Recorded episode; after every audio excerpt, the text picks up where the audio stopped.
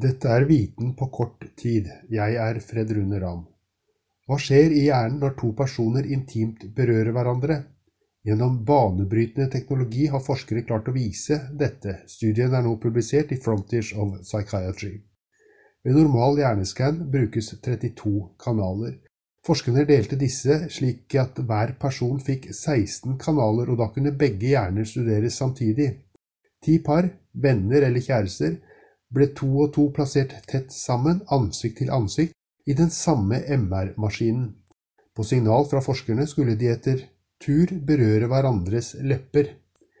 Det forskerne fant, var en nærmest fullstendig synkronisering mellom de to hjernene.